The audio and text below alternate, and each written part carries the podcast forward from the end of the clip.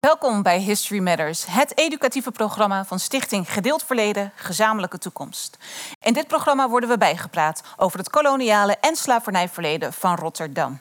Samen met studenten van Albeda, Zatkien en Hogeschool Rotterdam voel ik wetenschappers, historici, geleerden en Rotterdammers aan de tand over hoe de geschiedenis het Rotterdam van nu heeft gevormd. Mijn gasten van vandaag zijn historicus Gerhard de Kok en spoken word artist en voormalig stadsdichter van Rotterdam, Dean Bowen. Mijn naam is Hasna Elmaroudi. Laten we beginnen. Gerhard, welkom. Fijn dat je er bent. Dank je. Um, ik heb uiteraard even een, een Google-rondje gedaan om te achterhalen wie Gerhard de Kok precies is. Jij bent historicus en bedrijfseconoom. Klopt. Um, je deed onder meer onderzoek naar het koloniale verleden van Rotterdam. Je schreef daar ook uh, over in uh, een van de boeken van wat nu inmiddels bekend is komen te staan als de trilogie. Um, tegenwoordig ben je universitair docent aan de Universiteit van Leiden. Maar historicus en bedrijfseconoom zijn twee onderwerpen waarvan ik dacht, oeh, die staan toch wel een beetje op gespannen voet met elkaar? Nou, dat valt eigenlijk reuze mee, omdat als historicus um, steek je eigenlijk overal je neus in. Mhm. En, um, het als bedrijfseconoom ook. Als bedrijfseconoom ook, dat klopt. Maar vooral ook in, in uh, grootboeken, uh, journaalboeken, dus financiële stukken. Mhm. En nou ja, Nederlanders zijn uh, heel goed in het produceren van financiële stukken. En dat waren ze vroeger ook. He, dus dat Mhm. geldt ook voor de VOC, de WEC en al die compagnieën waar we het vanavond over gaan hebben. Ah, zo. En, en wat kwam eerst? Je liefde voor um, bedrijfseconomie, voor de cijfers of voor de geschiedenis van de cijfers? Nou, liefde, of draait het je om het verhaal? Liefde voor bedrijfseconomie denk ik dat ik nooit heb gehad. ik ben dat gewoon gaan studeren en ik kwam er daarna pas achter dat eigenlijk had ik geschiedenis moeten gaan studeren. Ah. Dus ik heb, die, uh, ik heb gewoon een verkeerde keuze gemaakt en later uh, alsnog de goede keuze. En toen bleek het gewoon vooral handig ook te zijn in het onderzoek dat je. Het is superhandig, zeker. Ja, mooi. Hey, en over hoe die twee ook wel hand in hand kunnen gaan, hebben we je gevraagd om uh, vandaag een presentatie voor te bereiden. Een college, moet ik zeggen. Het podium is voor jou. Ja, dankjewel. Ik ga jullie vanavond meenemen naar het begin van het koloniale project van Rotterdam. Uh, en we beginnen 425 jaar geleden, in het jaar 1596. En we beginnen niet in Rotterdam, maar we beginnen in Middelburg. Want in dat jaar kwam er daar een Rotterdams schip aan, een Rotterdams slavenschip, gevuld met 100 mensen uit Afrika, mannen, vrouwen, kinderen. En die kwam aan in Middelburg. Alleen dat was een, een probleem, want Middelburg, Nederland, had helemaal geen slavernij. Slavernij was verboden. Dat, dat bestond al lang niet meer. Dus wat moest er gebeuren met die, met die mensen die van dat schip afkwamen? En er werd over gedebatteerd in Middelburg, tot op het hoogste politieke niveau, tot de staten van Zeeland aan toe. En daar kwam men tot de conclusie dat die mensen moesten worden gesteld in een vrije liberteit. Die mensen moesten worden vrijgelaten. Dus dat lijkt eigenlijk een heel hoopvol begin te zijn van dit verhaal. Er komt een slavenschip, komt aan in Nederland en de Nederlanders zeggen van wij doen niet aan slavernij. Wij stellen deze mensen vrij. Maar toch, als je dan de twee eeuwen daarna kijkt, Nederlanders deden massaal mee aan de transatlantische slavenhandel. Ze stichtten koloniën waar ze gebruik maakten van slavenarbeid. Waar is het misgegaan? Dus de vraag van vanavond is hoe dan? Hoe kan dat, ondanks dat lijkt een hoopvolle begin, hoe kan het dan zo anders lopen? En om te beginnen, ja, dat hoopvolle begin was misschien toch niet zo heel erg hoopvol. Want ik zei al, het was een Rotterdam schip. En de Rotterdamse eigenaar van dat schip, Pieter van der Hagen, die diende meteen hierna een verzoek in. Mag ik die Afrikanen niet gewoon alsnog weer aan boord laden en ze dan ergens anders naartoe brengen? Waarschijnlijk om ze alsnog als slaaf te verkopen. En dat is waarschijnlijk gebeurd. Als we teruggaan naar, naar die periode rond 1600, toen was de wereld eigenlijk buiten Europa door Europeanen verdeeld. Het waren eerst de Portugezen en de Spanjaarden die eigenlijk als eerste Europeanen buiten Europa gingen kijken. En die hadden bedacht, wij verdelen de wereld in invloedssferen. Dit is Portugees, dus zeg Afrika, een stukje Zuid-Amerika, Azië en daarbuiten Spaans. Nou trok de rest van de wereld zich daar überhaupt helemaal niks van aan. En Nederlanders zeker niet. En Nederlanders waren toen in oorlog met Spanje en Portugal. En uit Nederland, in 1590 ging die oorlog best wel goed voor Nederland. En kwam er de mogelijkheid om ook vanaf hier schepen de hele wereld over te sturen. Ook vanuit Rotterdam. Olivier van Noord bijvoorbeeld, misschien bekend. Die in 1598 het eerste Nederlandse schip de hele wereld rondstuurde. En ook opvallend is dat er heel veel Zuid-Nederlandse immigranten... uit onder andere Mechelen, Antwerpen, waar de oorlog nog heel hard gaande was... die kwamen naar het noorden, onder andere naar Rotterdam. En die gingen ook investeren in dit soort reizen. En een van de namen die hier ook bekend is in Rotterdam is Johan van der Veken. Die kwam ook uit het zuiden, kwam zich hier vestigen om te investeren in dit soort ondernemingen. Zijn beeldenis staat nog steeds op het stadhuis van Rotterdam vandaag de dag. Er kwamen zelfs zoveel van dit soort ondernemingjes dat het ja, eigenlijk niet meer goed was voor. Het was te veel concurrentie. Dat ging ten koste van de winst. Dus in 1602 kwam er een fusie van alle ondernemingen in heel Nederland die schepen naar Azië stuurden, de Verenigde Oost-Indische Compagnie. En het doel van die VOC was om de controle te krijgen op de specerijenhandel tussen Azië en Europa. Dat was vooral in handen van de Portugezen. het was ook meteen een oorlogsinstrument tegen die Portugezen. Die specerijenhandel was namelijk ontzettend lucratief. De specerijen, heel erg duur, kon je goed te verkopen. En op het moment dat je die handel onder controle hebt, kun je nog veel meer mee verdienen. En Rotterdam, die had dus al wat van dit soort reizen uitgereed. Dus die kreeg een eigen kamer in die compagnie. Wel een relatief kleine kamer. Maar dat komt omdat Rotterdam in 1600 eigenlijk ook nog niet zo'n grote stad was. Zeker niet de tweede stad van Nederland. Dat was toen nog best wel een klein stadje. Dus die kamer van de VOC was ook klein. Maar de VOC werd zo groot dat zelfs die kleine kamer belangrijk werd voor de Rotterdamse economie. En ook andersom, Rotterdam was misschien ook wel belangrijk voor die VOC. Je ziet hier kruidnagel. Uh, dat is een, een, heel waardevol specerij uh, van de kruidnagelboom. En die groeit op de Banda-eilanden. En nu was daar Jacques Lermite, ook weer zo'n Zuid-Nederlander, wiens vader in Rotterdam kwam wonen en die voor de VOC werkte. En die Jacques die ging namens de VOC naar de oost vanuit Rotterdam. En hij kwam op die Banda-eilanden en daar kwam hij ook die, die kruidnagel tegen. En hij dacht, dit is goud, want deze plant groeit namelijk nergens anders, alleen op deze plek. Dus degene die de Banda-eilanden controleert, die kan eigenlijk heel veel geld verdienen, want die is de monopolist. Alleen er was een probleem, namelijk die Banda-eilanden die waren niet onbewoond. Daar woonden gewoon mensen. Mensen die helemaal niet van plan waren om die Nederlanders dat monopolie te geven. Maar daar had Jacques wel een idee over. Toen hij weer terugkwam in Nederland in 1612, toen diende hij een memo in. En daarin stond van ja, we kunnen tegen die mensen oorlog voeren. Maar dat duurt lang, kost veel geld, schiet niet op. We kunnen ze ook gewoon uitroeien. Uitroeien en deporteren en dan hebben we het Rijk alleen. En dat macabere plan werd een aantal jaar daarna uitgevoerd. Onder andere door Jan Pieterszoon Koen, waarschijnlijk ook wel bekend. Maar daarvoor al was dat dus gewoon opgeschreven. In een memorie. Door iemand die waarschijnlijk in Rotterdam is opgegroeid. 1621 werd die andere compagnie opgericht, de West-Indische Compagnie, die we eigenlijk meer associëren met slavernij, met slavenhandel. Een soort tegenhanger van de VOC, maar dan voor het Atlantisch gebied. En die compagnie aan het begin was dat eigenlijk nog meer een oorlogsinstrument dan die, dan die VOC. Het was echt bedoeld om de Spanjaarden en de Portugezen in het Atlantisch gebied dwars te zitten. En juist om die reden, dat was best wel riskant, hè, oorlog voeren is sowieso riskant en investeerders waren daar niet echt voor te porren. En toen greep het stadsbestuur van Rotterdam in. Want er waren zo weinig Rotterdamse investeerders dat Rotterdam een eigen kamer dreigde mis te lopen. dus dat was een beetje die fear of missing out. Dat was een beetje, Rotterdam moet ook een kamer hebben. Het stadsbestuur zorgde ervoor dat Rotterdam ook een deel kreeg in die WEC. En dat is gelukt. En het bekendste wapenfeit uit die begintijd van de WEC, dat was de verovering van de Zilvervloot in 1628. Uh, een heel bekend iets natuurlijk, wordt nog steeds over gezongen. Door een Rotterdammer, Piet Hein, eigenlijk een Delfshavenaar natuurlijk. En die veroverde die, die zilvervloot. En dat leverde een miljoenenwinst op. dat was een, een vloot die vanuit Zuid-Amerika naar Europa ging. En een deel daarvan kwam nu in Nederland aan. En die miljoenenwinst die werd ten eerste in de oorlog tegen de Spanjaarden weer gebomd. Maar ook in die West-Indische Compagnie. En wat de West-Indische Compagnie onder meer kon doen, was het veroveren van Nederlands-Brazilië. Dat staat in 1603, maar dat was in 1630. Het veroveren van een deel van Brazilië, dat was een, Portugese kolonie. En dat was een slavenkolonie, een slavernijkolonie, waar slavenarbeid werd gebruikt om suiker te produceren.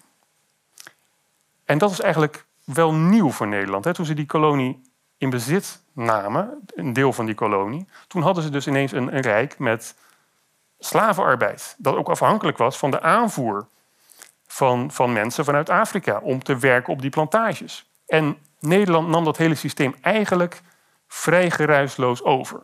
ze begonnen ook met het vervoeren van mensen als slaaf vanuit Afrika naar Brazilië. En ze gingen er gewoon mee door. Dus voor zover er nog tegenstand was van de slavernij, was die toen verdwenen. En eigenlijk werd Nederlands-Brazilië geen succes. Want al na, na binnen 25 jaar verloor Nederland die kolonie aan Portugese planters. En hadden ze dus geen kolonie meer. Maar het was wel een soort blauwdruk voor het koloniale stelsel wat Nederland nog zou voeren. Onder andere voor Suriname, wat later ook een grote suikerplantage werd, suikerkolonie. Op dezelfde soort manier functioneerde dat. Werd ook wel het tweede Brazilië genoemd. dus dat, dat Brazilië dat was een soort leerschool voor dat Nederlandse kolonialisme, zou je kunnen zeggen. En Suriname was wel succesvoller, dus dat brengt me bij de volgende vraag. Op de volgende slide. Is Rotterdam dan rijk geworden van slavernij en van kolonialisme? Ja, en dat is een vraag die ik natuurlijk niet hier eventjes in een paar minuten kan beantwoorden, helaas. Uh, en het antwoord is natuurlijk genuanceerd. Dat moet ik als historicus, bedrijfseconoom zeggen. sommige mensen zijn schatrijk geworden, sommige families. Kun je aantonen. Er zijn ook mensen te vinden die hebben heel veel geld geïnvesteerd en heel veel verloren in een koloniaal project. Maar Rotterdam als stad, hè, ook als je daarover spreekt, als jullie economen zouden zijn, dan zou je zeggen, ja, dan moet je uitrekenen wat, wat was Rotterdam zonder slavernij geweest. Um, en mensen hadden ook kunnen investeren in de visserij. Wat had dat dan opgeleverd? Middelen zijn alternatief aanwendbaar, zeggen economen dan. Uh, je zou kunnen zeggen, als er geen Alberda College was geweest, waren er dan minder studenten geweest. Ja, misschien, maar misschien waren ze gewoon ergens anders gaan studeren. Maar als historicus vind ik dat eigenlijk niet zo'n interessant punt. want er is wel een Alberda College. En helaas was er ook slavernij. Dus we moeten kijken naar wat is er gebeurd. En het is eigenlijk ook niet zo interessant om te kijken wie is nou heel rijk geworden daarvan. Dat is, kun je eindeloos over debatteren. Maar wat we wel kunnen zeggen, en dat kan ik ook meteen aantonen uit de bronnen, is dat die omzet van die slavenhandel, die slavernij, die spreidde zich als een olievlek uit over de stad.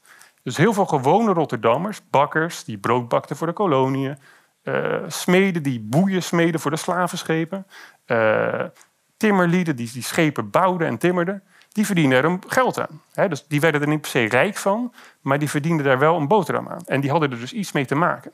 Dus er zijn in Rotterdam misschien niet zoveel grachtenpanden meer over als in Amsterdam. Maar heel veel mensen die met het koloniale project waren, waren gewone Rotterdammers. die, die woonden niet in zo'n grachtenpand. En dat vind ik het interessante. En dat laat ook zien dat, dat die koloniale geschiedenis een Rotterdams verhaal is. En dat koloniale geschiedenis Rotterdamse geschiedenis is. Dank jullie wel. Dank je wel. Kom lekker zitten. Ja, daarmee maak je het ook meteen heel invoelbaar. Want als de gewone Rotterdammers een brood verdienden met uh, slavernij, dan zit het echt in alle haarvaten van de stad. Ja, zo zou je dat kunnen zeggen. Ja. Het, verspreidde zich. Ja. En waarom besloot de staat om zich daar uiteindelijk toch mee te bemoeien? Je hebt al een aantal mooie punten aangesneden, zoals op de Banda-eilanden. Maar wat was het moment, wat gebeurde er in, in, ja, in de hoofd van de mensen om te zeggen: Nou, oké, slavernij mag dan weliswaar niet hier op Nederlandse bodem, maar dan gaan we het ergens anders doen. Ja, nou, je zegt de staat, maar het is heel lastig om de staat als, als echt afzonderlijke eenheid te zien. Mm want de staat werd gemaakt door regenten, mhm. eh, mensen met commerciële belangen ook. En die stelden dan zelf de regels op. en dat geldt in dit geval dus ook. Dus ehm, eh, toen de WEC werd opgericht bijvoorbeeld, de mhm. West-Indische Compagnie, toen werd er over nagedacht, over de vraag van mogen wij wel handelen in slaven, in mensen? Is dat christenen wel geoorloofd? Zo staat dat in een notuleboek. Maar die vraag verschuift al heel snel naar de achtergrond. En het is een interessante vraag om te bedenken, ja, waarom is dat nou? Waarom uh, waarom lijkt men eerst moeite te hebben met slavernij en enkele jaren later niet meer? Hmm. En ja, dat, dat schreef men helaas natuurlijk niet heel erg op, die gedachtegang. Maar het lijkt wel echt een economische reden te hebben. En nu noemde je net um, in je college ook al uh, de kamers, uh, zowel in de VOC als de WC. Mhm. Kun je uitleggen wat dat precies is? Wat is een kamer? Dat klinkt voor de mensen die het niet kennen ja, nee, uh, misschien wat abstract. Ja, een kamer is eigenlijk gewoon een lokale afdeling. Mhm. dus de VOC, maar ook de WC bestond uit verschillende kamers. En dat waren dus verschillende afdelingen die eigenlijk allemaal een eigen onderneming waren, eigen kapitaal hadden. Mhm. En die waren verspreid over heel Nederland met een reden. En die reden was namelijk om de economische activiteit ook te verspreiden over Nederland. Mhm. dus Rotterdam die kreeg dan een eigen kamer. Daarom wilde het stadsbestuur, die was bang om die kamer te missen. Mhm. Want met een kamer kwam economische activiteit en met economische activiteit kwam inkomsten voor de stad en werkgelegenheid. Maar voor zo'n kamer hadden ze ook weer geld nodig. Ja, dus voor een kamer moesten er wel investeerders te vinden zijn die investeerden wilden in die kamer. Ja, en wie waren die investeerders? Uh, een hele brede groep, eh, maar wel over het algemeen regenten, uh, mensen die Ik wil namen en rugnummers. Dat wordt lastig. Maar er is ook wel voor bijvoorbeeld de VOC, waar we iets meer van weten dan de WOC, dan de WIC. daar is ook wel bekendheid. Dat zijn niet alleen maar hele rijke kooplieden. Want dat was een aandelenmaatschappij. Mm En die aandelen zijn best wel verspreid, zeg maar uh, onder de bevolking. Hè. Dus het zijn meestal wel de iets welgesteldere mensen mm -hmm. of instellingen. Mm -hmm. Maar uh, ja, voor de WIC weten we iets minder uh, de aandeelhouders. Maar bijvoorbeeld, een compagnie die in de 18e eeuw werkte, waar ik zelf onderzoek naar heb gedaan, daar weten we alle aandeelhouders. Ja. Ja, dus namen en rugnummers zouden we kunnen geven. Mm -hmm. um, maar?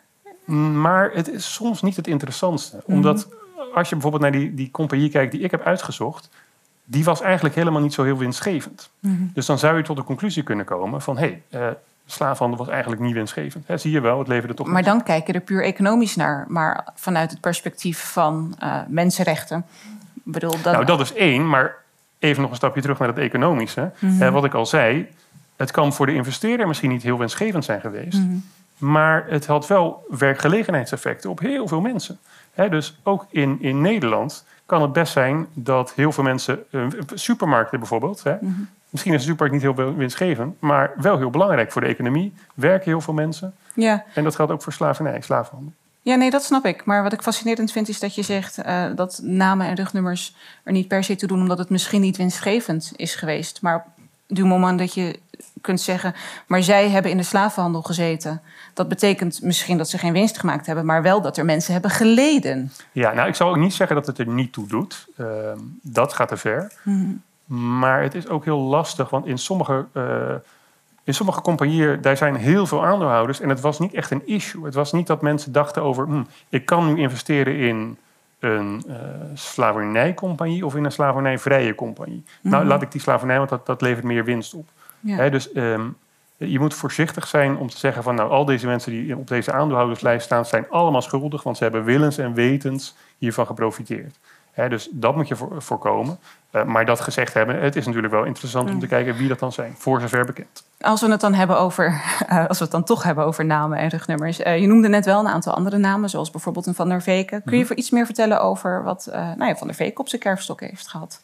Ja, zijn kerfstok. Kijk, dat is het, dat is precies dat taalgebruik. Ik probeer dat zelf een beetje te vermijden. En de reden daarvoor is dat ik niet polarisatie in de hand wil werken. Ehm, maar Van de Veken was een van die investeerders in dit soort grote koloniale projecten. En we weten van dit soort koloniale projecten.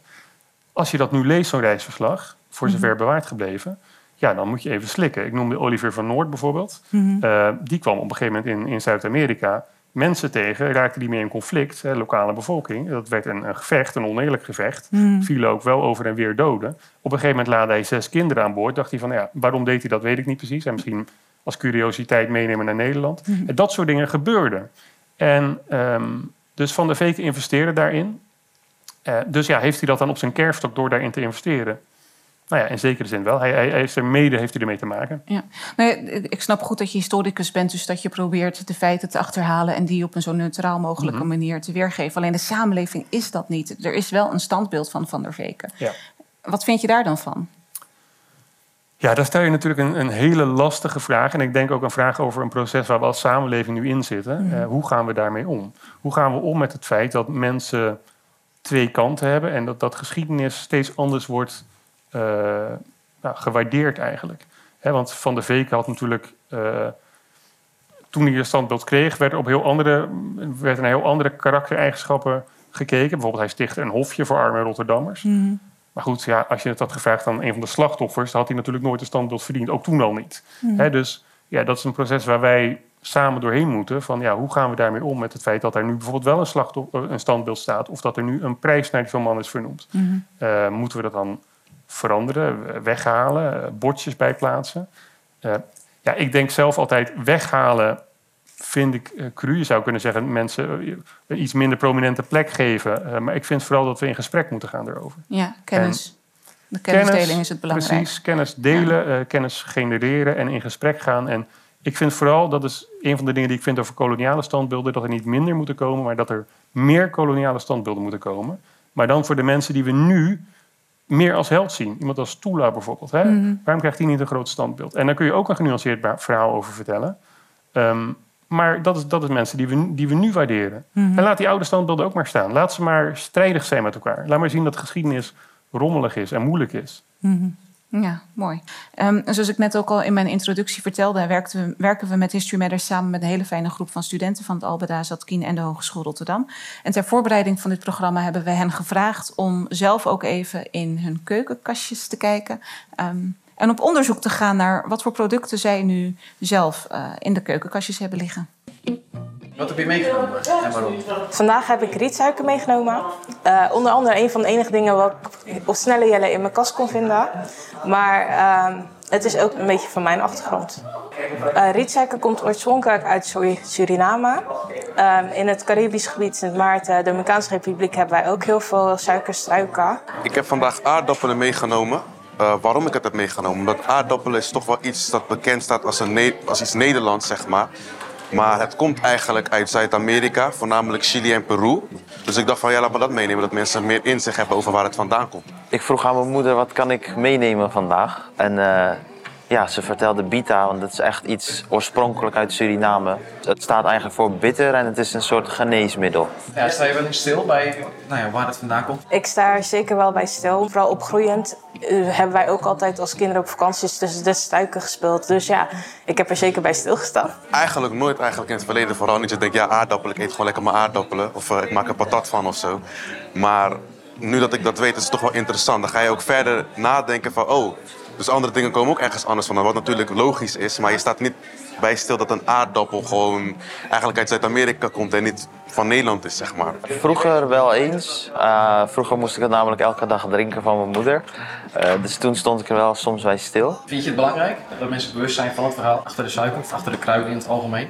Ik vind het wel, omdat het toch nog een stukje geschiedenis is. En we laten geschiedenis een beetje te vaak vallen, vind ik zelf. Het is eigenlijk wel belangrijk dat je weet waar dingen vandaan komen.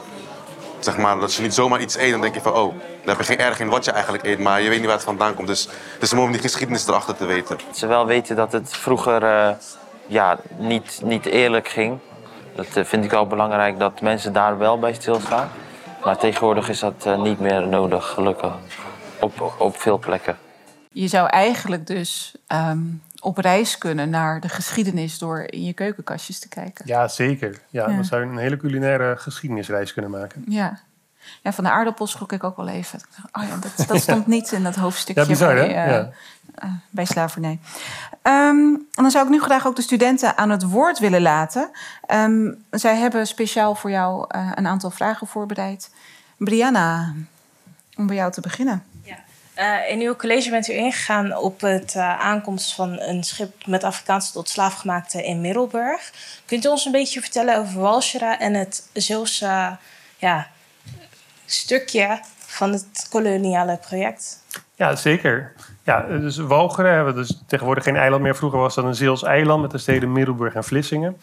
Um, toen dat schip daar aankwam, toen hadden die nog niet zo heel veel met slavenhandel. En in de 17e eeuw, uh, dat was gewoon een van de steden, ook met een kamer in de WC. Maar Walcheren, vooral uh, Vlissingen, is in de 18e eeuw een van de grootste Nederlandse slavenhandelsteden geweest. En ik kwam dat tijdens mijn onderzoek naar Rotterdam verrassend genoeg ook steeds tegen. Omdat wie gebruikte die Vlissingers, wie gebruikte die Middelburgers als leverancier van heel veel goederen? Rotterdammers. Bijvoorbeeld koper, dat kwam uit Rotterdam. Uh, uiteindelijk uit Scandinavië, maar dat ging naar Rotterdam. En via Rotterdam dan naar Middelburg, naar Vlissingen. En Vlissingen was dus eigenlijk de hoofdstad van de Nederlandse slavenhandel.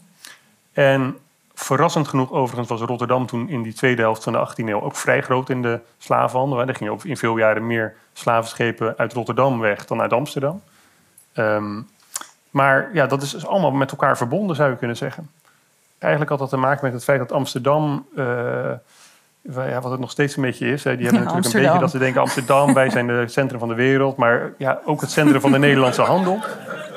En die hielden zich vooral bezig met suiker, koffie, eh, alles waar ze heel veel geld mee konden verdienen. En die handel in mens is erg ingewikkeld. Want je moet eerst op precies het goede moment met de goede stromingen naar Afrika varen. En dan moet je daar hè, hopen dat je daar ergens eh, ja, mensen kunt kopen. En die moet je dan vervolgens levend naar eh, bijvoorbeeld Suriname krijgen. Ja, het is allemaal gruwelijk om over te praten, maar zo, zo is het gegaan. En dat waren voor eh, investeerders allemaal risico's. Want allemaal stukjes reis. Dus die Amsterdammers die investeerden liever in, in suiker. Dan voer je gewoon naar Suriname, je haalde de suiker op en je voer weer terug. Ehm, dus die lieten dat over aan andere steden. En ja, Vlissingen, eh, maar ook Rotterdam, die had moeite om te concurreren met Amsterdam op heel veel gebieden. Ehm, en die slavenhandel was dan een van de handelstakken waar ze meer de vrije hand in kregen. Ja, interessant. Um, Elijah, jij hebt ook nog een vraag voorbereid. Wat was anders aan uh, wat Nederlanders deden ten opzichte van andere Europese landen? Uh, heel veel omvattende vraag, maar ook een heel goede vraag. Um, en dan kan ik even terughaken naar waar we het net over hadden, over die financiën. Want wat je ziet is dat Nederlanders heel veel investeerden in niet-Nederlandse koloniale rijken. He, dus uh, nationale grenzen die deden er vroeger ja, misschien al wat minder toe dan uh, vandaag de dag. Maar Nederlanders hebben kapitaal verschaft bijvoorbeeld aan Engelsen. Om in het Caribisch gebied een plantage-economie te starten. Um, maar dat deden ze ook met Fransen en, en nog weer andere uh, koloniën. En wat voor Rotterdam specifiek heel interessant is, is dat er bijvoorbeeld ook Engelse slavenschepen uit, uit Londen in Rotterdam kwamen om goederen in te halen voor Afrika. Dus zo was dat ook alweer allemaal met elkaar verbonden. En dat is toch wel bijzonder voor Nederland. Hè, dat Nederland een soort tussen middleman-rol speelde, zou je kunnen zeggen. Um, tussen kolonisten en Europa. Tussen financiers en planters. Um, ook internationaal gezien. Dus dat is wel een uniek iets aan de Nederlandse koloniale geschiedenis.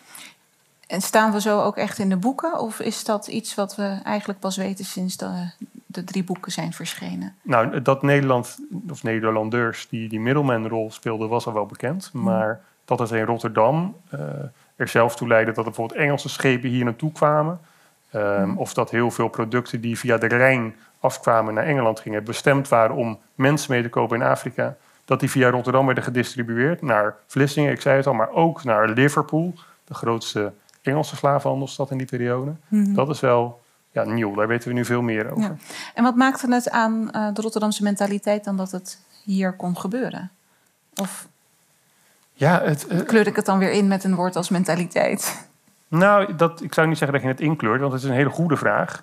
En een interessante vraag waar ik zelf ook wel over nadenk. Hmm. Maar het is heel moeilijk om je vinger erachter te krijgen soms. Um, want het lijkt wel soms alsof het gewoon... Hè, dat mensen wel wisten, die wisten van slavernij, die wisten, ze wisten van slavenhandel. Maar ze dachten er niet heel erg over na. Het was gewoon niet echt een issue, lijkt het wel. Hè, er waren natuurlijk soms uh, wat mensen die kritiek hadden. Um, maar dat was zo minimaal in de 17e eeuw en de 18e eeuw. Dat speelde eigenlijk geen rol. Dus het, het lijkt er wel op dat ja, het was gewoon een handel als alle andere. Ja. In het volgende deel uh, ga ik nog in gesprek met Karwan Fatah Black. En daarin gaan we het ook hebben over wat er nou verder precies in mindset veranderde om ja, uh, slavernij mogelijk te maken. Gerhard, mag ik jou ontzettend bedanken voor je komst, voor je uh, college, voor het beantwoorden van alle vragen hier. Blijf vooral nog zitten. Um, want het is namelijk de hoogste tijd om door te gaan naar het volgende onderdeel van vandaag. We gaan luisteren naar niemand minder dan Dean Bowen. Dean was tot 2021 de stadsdichter van Rotterdam.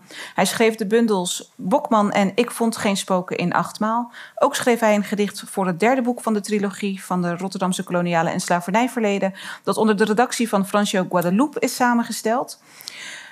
Vandaag is hij hier om ons te laten voelen wat de erfenissen zijn van de koloniale geschiedenis. Mag ik een warm applaus voor Dien Bowen met aan allen die zich hier bevinden.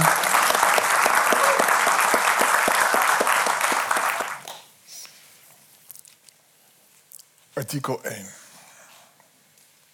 Allen die zich hier bevinden worden in gelijke gevallen anders herinnerd. Particuliere geschiedenissen die voormoeders bewaarden in de holten verborgen achter hun navel. En is het niet daar dat we leerden van onze lichamen strijdgrond te maken? Hoe ketens het gereedschap van een brute economie. We waren handelswaar, we waren handelaars. Wisten niet van de belofte die we toekomst zouden noemen, maar nog steeds lekt iets leeg in de bodem die wij delen. En we weten niet de namen van de nachtmerriejaren. We streken ze gelijk met onze zonden glad. Gaven ze geen plek in het gedeelde archief, geen rouwranden rondom gevuld, ge, vergulde tijdspannen en wisten daarom niet hoe wij vervlochten in elkaar. Omdat wij hierheen gekomen. Omdat de schoolboeken niet. Omdat we ander leed herdenken. Omdat het al zo lang geleden. Omdat panden achter de boompjes. Omdat de kerk in het oude noorden. Omdat Koopstad en Rochussen. Omdat het West-Indisch huis. Omdat bommen ook de stenen deed vergeten in Rotterdam. Omdat de sporen nog in ons. Omdat we lang nog niet geheeld. Omdat we de schuld niet willen dragen. Omdat we deelgenoten zijn omdat er meer van ons te maken is dan wat ons overkwam. Omdat we samen in de stad. Omdat we samen in het land. Omdat we weten van het belang van het breken van de ketens. Omdat er geen excuus is. Omdat die ook niet meer verwacht. Omdat we met elkaar vooruit. Omdat we samen zullen zijn. Omdat de voormoeders zingen. Omdat de echo's in onze botten. Omdat ik van je hou omdat ik nergens naartoe. Omdat nog altijd de ketens. Omdat we zoveel kunnen leren. Omdat we zoveel moeten leren. Omdat we zo verdomde moe. Omdat de zeurende pijn. Omdat we allen onze lasten. Omdat we daarin niet alleen. Omdat we dit allemaal weten. Omdat we immer aangepast. Omdat het bloed de handen vlekt. Omdat de doden in het water omdat de doden op het land. Omdat 1873. Omdat de zwavel in de neus blijft hangen. Omdat de afstanden te groot. Omdat het ons niet interesseert. Omdat de 300 florijnen. Omdat de woede nog steeds in ons. Omdat we niet langer vergeten. Omdat de lessen geleerd. Omdat jij en ik. Omdat ik en jij omdat wij en zij, omdat hen en ons, allen die zich hier bevinden, worden in gelijke gevallen anders herinnerd. Zou ons reden moeten geven om te zeggen, gelukkig maar.